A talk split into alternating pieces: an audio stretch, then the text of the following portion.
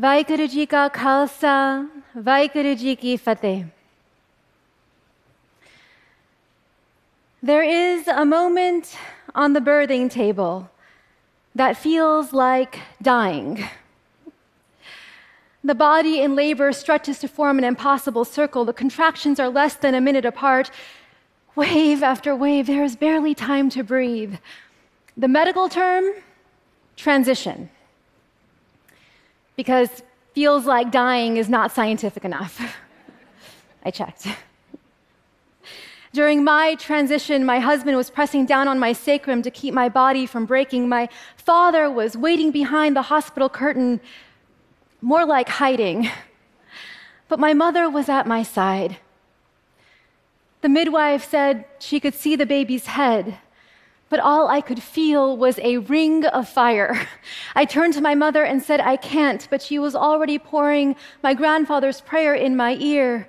Tati vaunalagi bad brahmsanai. The hot winds cannot touch you. You are brave, she said. You are brave. And suddenly, I saw my grandmother standing behind my mother and her mother behind her, and her mother behind her.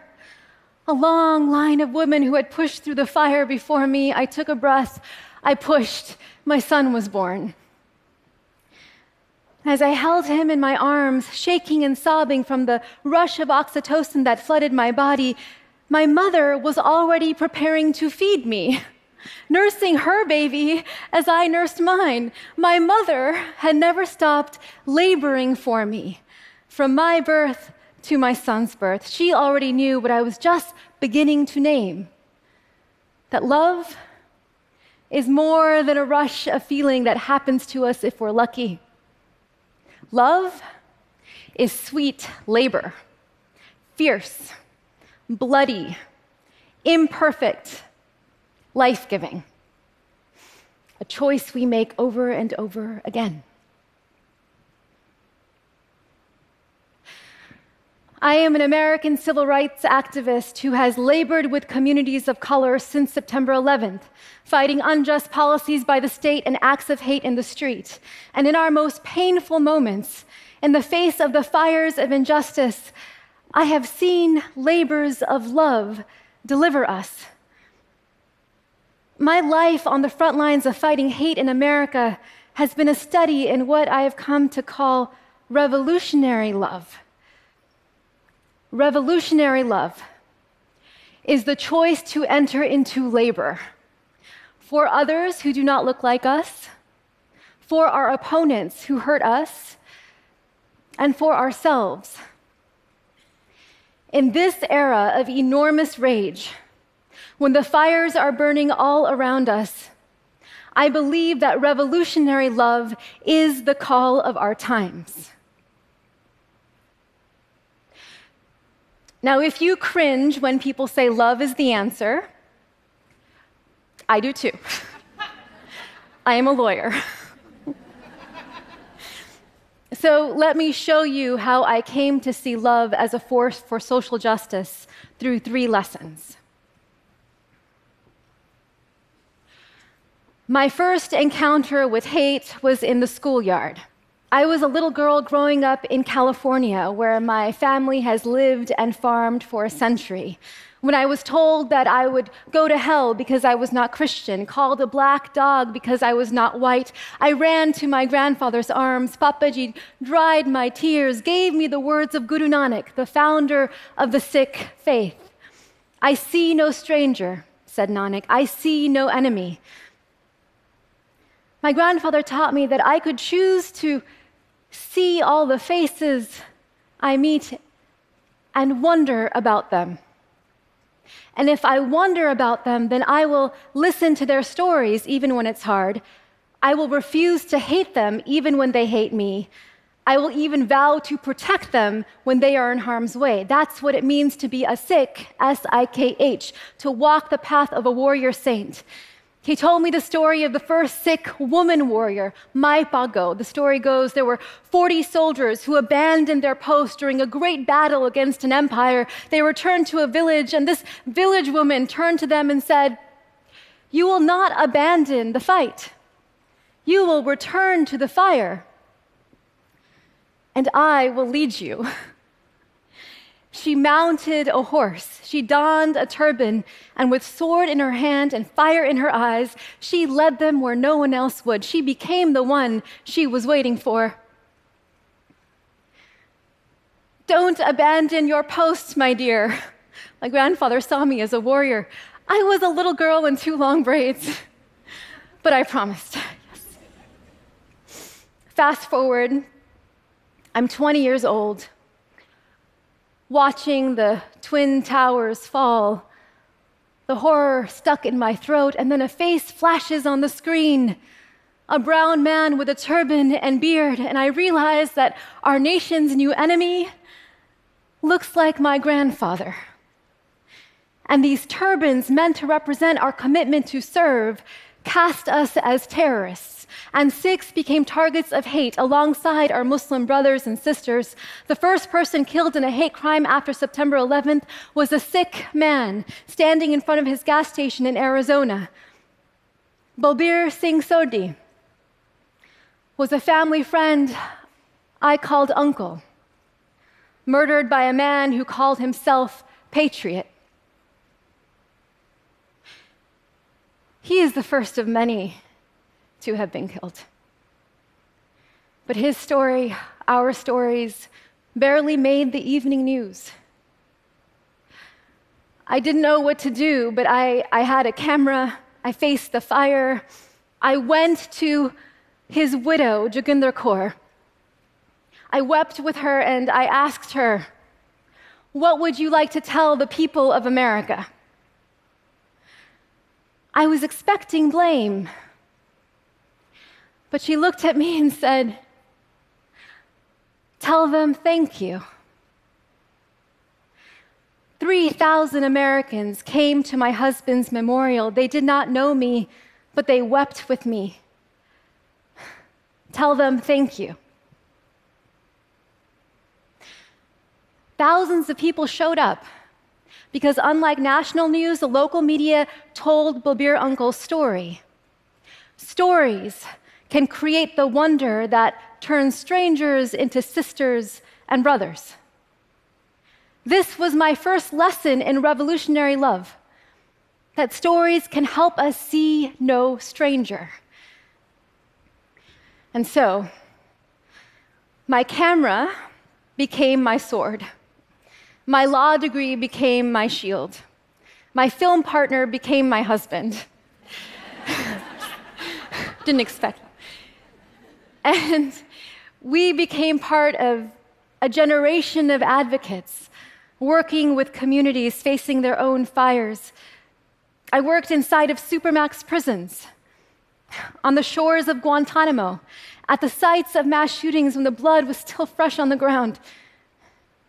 And every time, for 15 years, with every film, with every lawsuit, with every campaign, I thought we were making the nation safer for the next generation.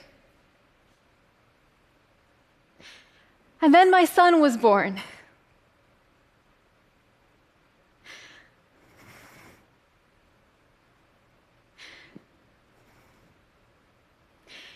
In a time when hate crimes against our communities are the highest they have been since 9 11. When right wing nationalist movements are on the rise around the globe and have captured the presidency of the United States.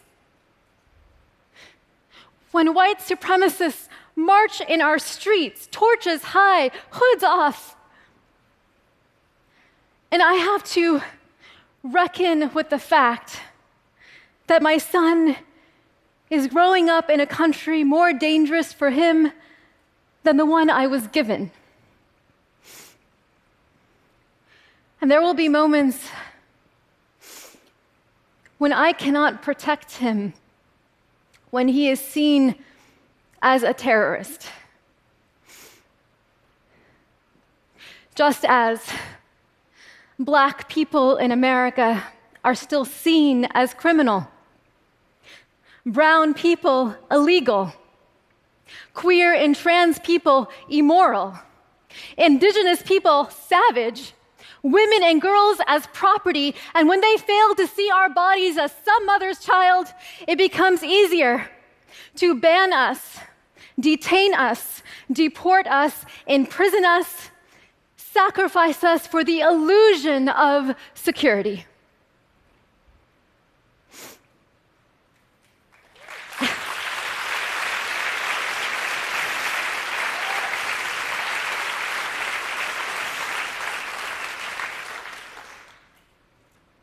I wanted to abandon my post. But I made a promise. So I returned to the gas station where Balbir Singh Sodhi was killed 15 years to the day. I set down a candle on the spot where he bled to death. His brother Rana turned to me and said, Nothing has changed. And I asked, Who have we not yet tried to love? we decided to call the murderer in prison. The phone rings. My heart is beating in my ears. I hear the voice of Frank Roque, a man who once said, I'm going to go out and shoot some towelheads. We should kill their children too. And every emotional impulse in me says, I can't. It becomes an act of will to wonder. Why? I ask. Why did you agree to speak with us? Frank says, I'm sorry for what happened, but I'm also sorry for all the people killed on 9 11. He fails to take responsibility. I become angry to protect Rana. But Rana is still wondering about Frank, listening, responds. Frank, this is the first time I'm hearing you say that you feel sorry. And Frank, Frank says, Yes, I am sorry for what I did to your brother. One day, when I go to heaven to be judged by God, I will ask to see your brother, and I will hug him, and I will ask him for forgiveness. And Rana says, We already forgave you. Forgiveness is not forgetting. Forgiveness is freedom from hate. Because when we are free from hate, we see the ones who hurt us not as monsters, but as people who themselves are wounded, who themselves feel threatened, who don't know what else to do with their insecurity but to hurt us, to pull the trigger or cast the vote or pass the policy aimed at us. But if some of us begin to wonder about them, listen even to their stories, we learn that participation in oppression comes at a cost. It cuts them off from their own capacity to love.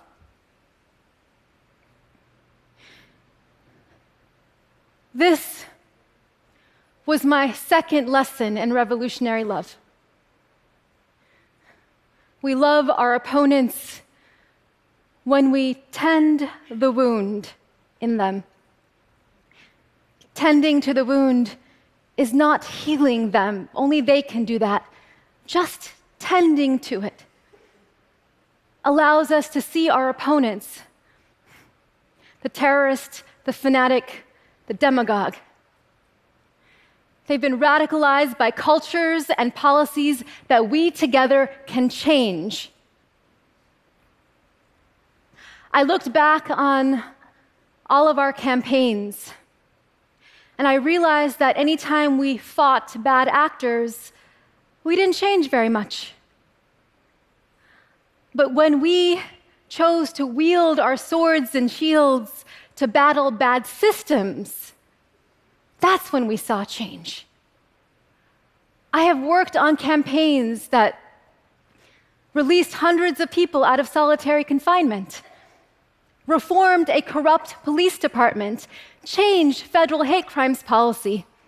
The choice to love our opponents is moral and pragmatic, and it opens up the previously unimaginable possibility of reconciliation.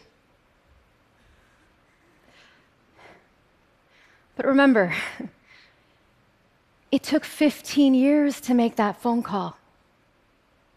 I had to tend to my own rage and grief first. Loving our opponents requires us to love ourselves. Gandhi, King, Mandela, they taught a lot about how to love others and opponents.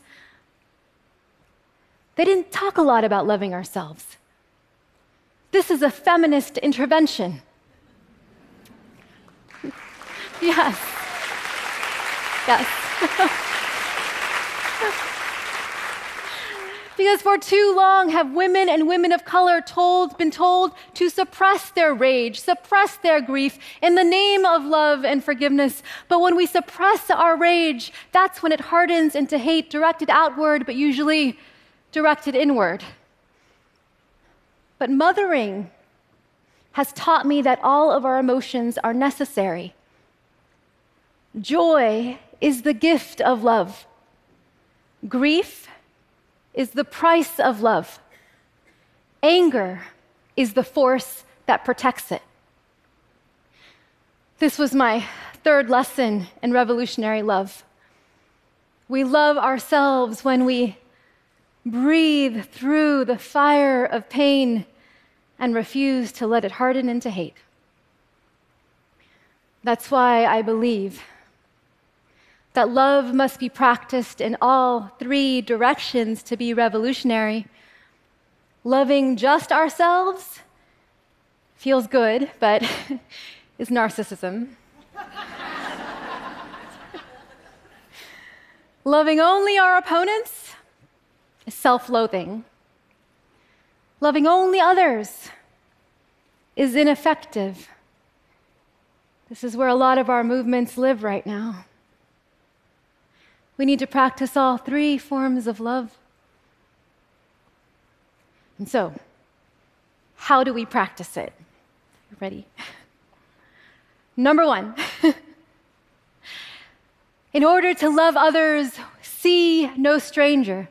We can train our eyes to look upon strangers on the street, on the subway, on the screen, and say in our minds, brother, sister, aunt, uncle. And when we say this, what we are saying is, You are a part of me I do not yet know. I choose to wonder about you. I will listen for your stories and pick up a sword when you are in harm's way. And so, number two, in order to love our opponents, tend the wound. Can you see the wound in the ones who hurt you? Can you wonder even about them?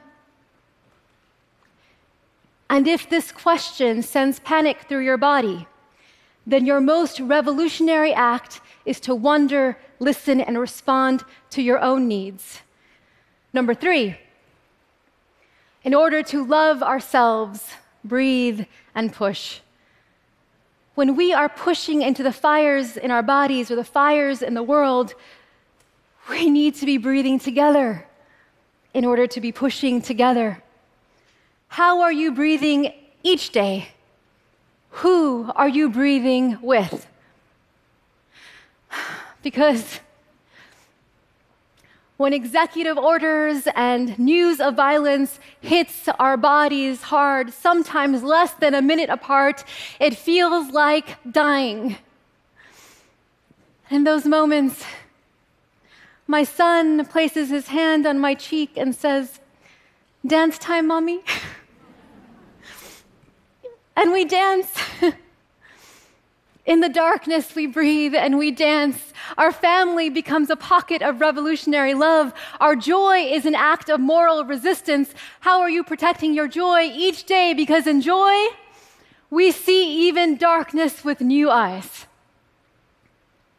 And so, the mother in me asks, What if this darkness is not the darkness of the tomb?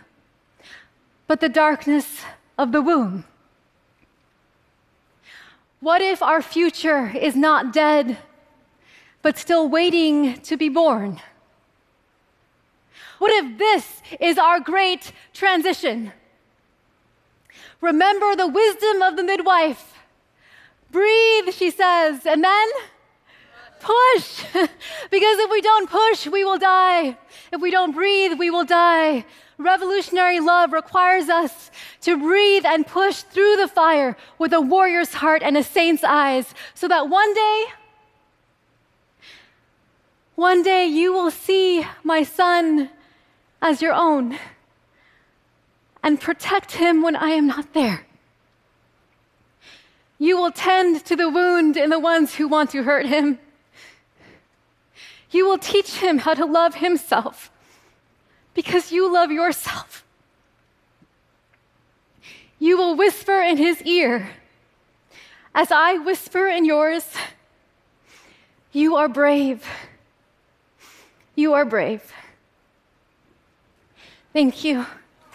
Waheguru ji ka khalsa. Waheguru ji ki fateh. Thank you.